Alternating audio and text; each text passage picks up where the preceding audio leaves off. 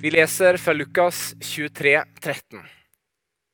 Pilatus kalte sammen overseprestene, rådsmedlemmene og folket og sa til dem.: Dere har ført denne mannen fram for meg og sagt at han villeder folket. Nå har jeg forført ham i deres nærvær og kan ikke se at denne mannen er skyldig i noe av det dere anklager ham for. Det kan heller ikke Herodes, for han har sendt ham tilbake til oss. Altså har han ikke gjort noe som fortjener dødsstraff. Jeg vil heller derfor la ham bli pisket og så løslate ham. Men til høytiden måtte han gi dem en fange fri. Da ropte alle som en, Bort med han! Gi oss Barabas fri! Barabas var en mann som hadde blitt fengslet for opptøyer i byen og for mord. Pilatus talte da igjen til dem, for han ville gjerne gi Jesus fri. Men de ropte tilbake, 'Korsfest! Korsfest ham!' For tredje gang sa han til dem, 'Hva ondt har han gjort?' 'Jeg har ikke funnet ham skyldig i noe som kan straffes med døden.' 'Jeg vil derfor la ham bli pisket, og så løslate ham.' Men de presset på og forlangte med høye skrik at han skulle korsfestet. Og skriket deres fikk overtaket. Da felte Pilatus dommen. Det skulle bli som de krevde. Han løslot den de ba om, han som var fengslet for opptøyer og mord. Men Jesus overga ham. Så de fikk sin vilje. Så førte de ham bort. På veien grep de tak i en mann som kom inn fra landet. Simon fra Kyreneene. De la korset på han for at han skulle bære det etter Jesus. En stor folkemengde fulgte med, blant dem mange kvinner som jamret og gråt over ham. Men Jesus snudde seg mot dem og sa, 'Jerusalems døtre, gråt ikke over meg, men gråt over dere selv og barna deres.' For det kommer dager da folket skal si, 'Lykkelig er de barnløse', de morsliv som ikke fødte, og de bryst som ikke ga die. Da skal de si til fjellene, fall over oss, og til haugene, skjul oss. For gjør de slik med det grønne treet, hvordan skal det da gå med det tørre? Også to andre forbrytere ble ført bort for å bli henrettet sammen. Og da de kom til stedet som heter Hodeskallen, korsfestet de både ham og forbryterne der. Den ene på høyre side av ham, og den andre på venstre. Men Jesus sa, 'Far, tilgi dem, for de vet ikke hva de gjør.' Så kastet de lodd om klærne hans og delte dem mellom seg. Folket sto og så på, mens rådsherrene hånte ham. Andre har han frelst, sa de. La ham nå frelse seg selv, dersom han er Guds Messias, den utvalgte. Og soldatene hånet ham. De kom og rakte vineddik opp til ham og sa, er du jødenes konge, så frels deg selv! For det var satt en innskrift over ham. Dette er jødenes konge. En av forbryterne som hang der, spottet ham også og sa, Er ikke du Messias? Frels da deg selv og oss! Men den andre irettesatte ham og sa, Frykter du ikke Gud? Ennå du har samme dom over deg. For oss er dommen rettferdig. Vi får bare igjen for det vi har gjort. Men han har ikke gjort noe galt. Så sa han, 'Jesus, husk på meg når du kommer i ditt rike.' Jesus svarte, 'Sannelig, jeg sier deg, i dag skal du være med meg i paradis.' Se for dere scenarioet. Nede i dette fangehullet i Jerusalem ligger Barabas. Det han har å se fram til, er en forbryters pinefulle død ved korsfestelse. Han har vært med på opprør og et mord. Han var tatt på fersk gjerning var dømt til døden ved korsfestelse. Han hører sannsynligvis nå også de tunge skrittene utenfor. Og så blir døren åpnet. En romersk soldat kommer inn. Barabas vet at dette er slutten. Nå kommer de for å dra han opp i fengselsgården. Og Der vil de hardbarka soldatene hudstryke ham før han må bære sitt eget kors ut til hodeskallstedet, der forbrytere blir henrettet. Barabas, i soldaten. Kom deg opp. Du kan gå Du er fri. Hørte han riktig? Hva sa du? spør han. Jeg sa du er fri. En de kaller Jesus, skal dø i stedet. Kanskje var det sånn det var for Barabbas. Landshøvdingen gir en fange fri i påsken. Han fant ingen skyld hos Jesus og ville gi ham fri, men alle som en ropte, 'Bort med han! Gi oss Barabbas fri!' Urettferdigheten var et faktum. Det at Jerusalems døtre gråt sine modige tårer, kunne ikke endre på at denne rettferdige skulle bære korset til han som egentlig var skyldig. Og bære en straff han ikke fortjente. Det var som en konkret forvarsel på det som skulle skje og gjelde oss alle. Én rettferdig skulle bære våre synder og korsfestes på vegne av oss alle. Og alt vi er skyldige. Både folkemengden og soldatene hånet ham. Og disiplene, da, de som hadde lovet å være der for ham, de som tidligere hadde spurt hvem de skulle gå til om ikke til han, den levende Guds sønn Plutselig er de så stille. Plutselig ser det ut som de er helt ute av bildet. Og en tilfeldig mann, Simeon fra Kyreneen, må bære hans kors når han selv ikke orker mer. Det som virkelig trer fram, er en av de to som henger der for å dø sammen med ham. Men som selv mener at han har fått en rettferdig dom. Jesus, husk på meg når du kommer til ditt rike. Svaret han fikk, må ha runget dypt inn i sjelen hans. I dag skal du være med meg til paradis. Det var allerede omkring den sjette time. Da falt et mørke over hele landet til den niende time. For solen ble formørket, forhenget i tempelet revnet etter midten. Og Jesus ropte med høy røst, Far, i dine hender overgir jeg min ånd. Da han hadde sagt dette, utåndet han. Men da offiseren så det som hendte, priste han Gud og sa, denne mannen var sannelig rettferdig. Og folkemassene som hadde samlet seg for å se på, slo seg for brystet da de så det som hendte, og vendte hjemover. Men alle de som kjente ham, sto på avstand og så på.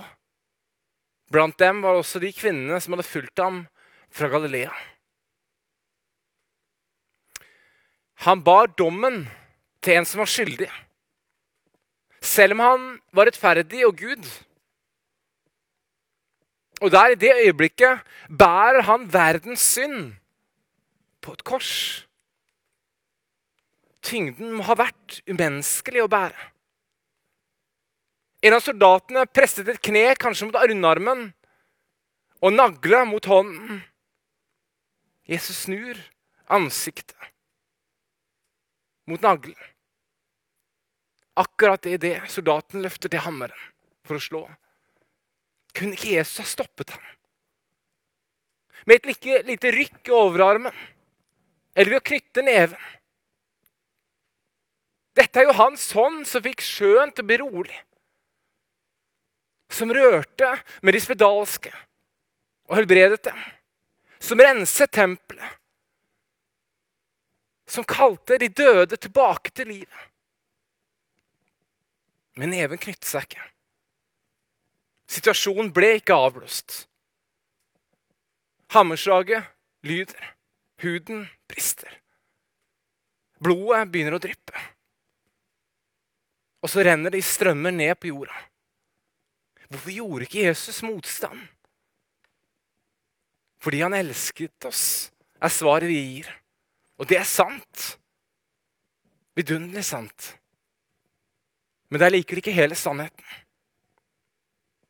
For mellom hånden og treverket var det en liste. Gjeldsbrevet. Listen med alle de gangene vi trår feil. All verdens synd. Begjær, løgner, grådighet og egoisme.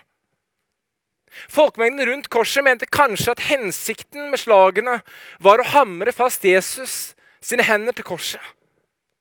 Men hadde de bare visst hva de bevitnet De kunne ikke se helheten, men det kunne Jesus.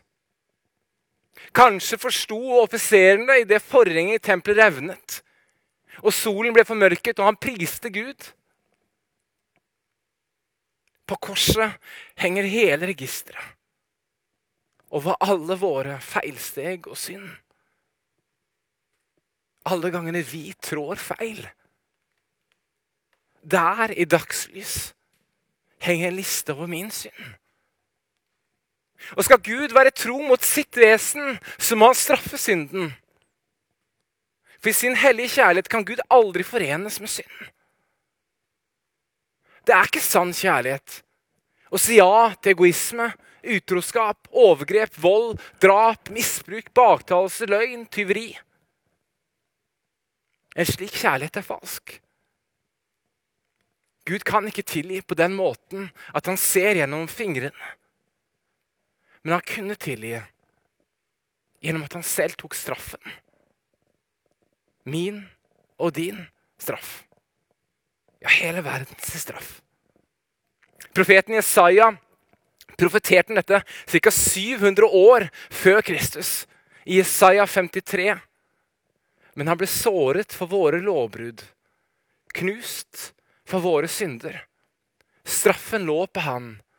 Vi fikk fred.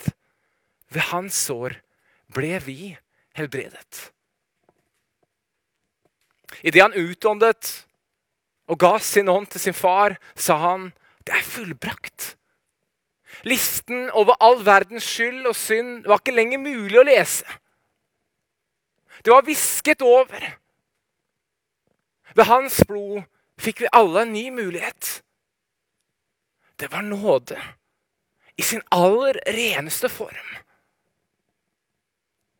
Den danske filosofen Søren Kirkegård sier Kristus har ikke bare talt til oss gjennom sitt liv, men han har også talt for oss ved sin død. Vi er fri. Nå var det en rådsherre ved navn Josef, en god og rettskaffet mann, som ikke hadde vært med på det de andre hadde vedtatt og satt i verk.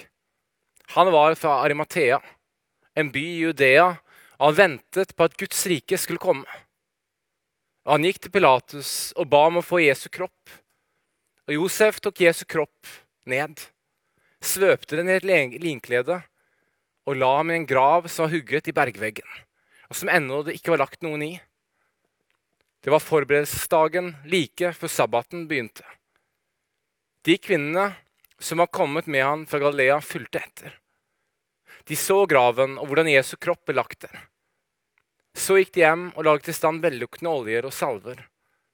På sabbaten holdt de seg i ro, som loven krevde. Når det ikke var mer fanfarer, palmegrener og folk hadde vendt hjemover, Kongen var død. De som kjente Jesus, sto fortsatt på avstand og så på. Når han trengte de som mest, så var de ikke der. Men en mann som vi bare hører om fire ganger i Nytestamentet, som aldri sier et ord, tre fram. Josef far i Mathea, fant mot i seg til å gå opp til Pilatus og be om å få Jesus sin kropp. I Johannes evangeliet står det ennå til at han var en disippel av Jesus, men i hemmelighet. Fordi han var redd for jødene.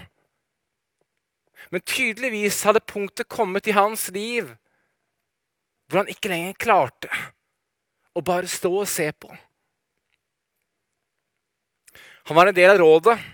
Sannsynligvis var han en velstående fyr som visste hvordan han skulle bruke innflytelsen sin.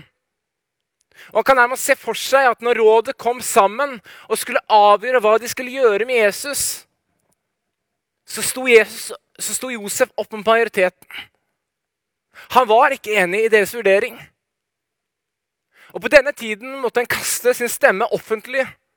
Og kan man se for seg at Josef går fram foran rådet og kaster stemmen nei. Jeg er ikke enig at denne mannen er en trøbbelmaker som bør henrettes. Hvor var folkene fra overskriftene når alt dette skjedde? Disiplene som aldri skulle forlate ham.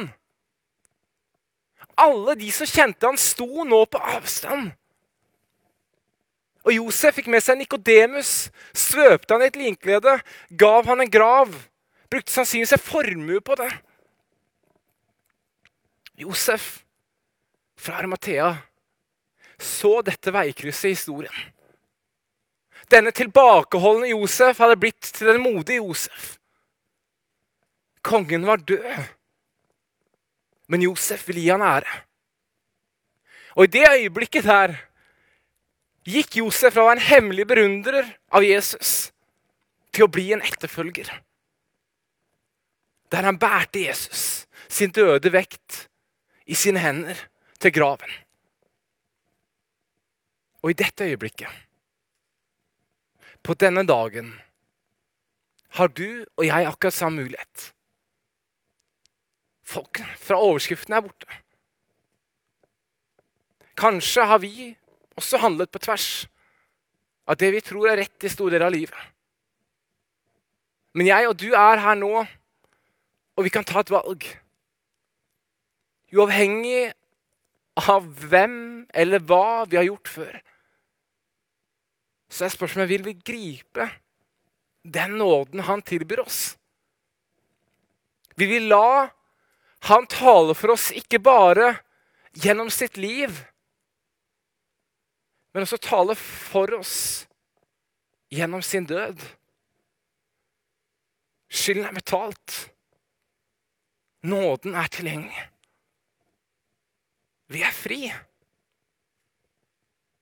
Det er langfredag. Kongen er død.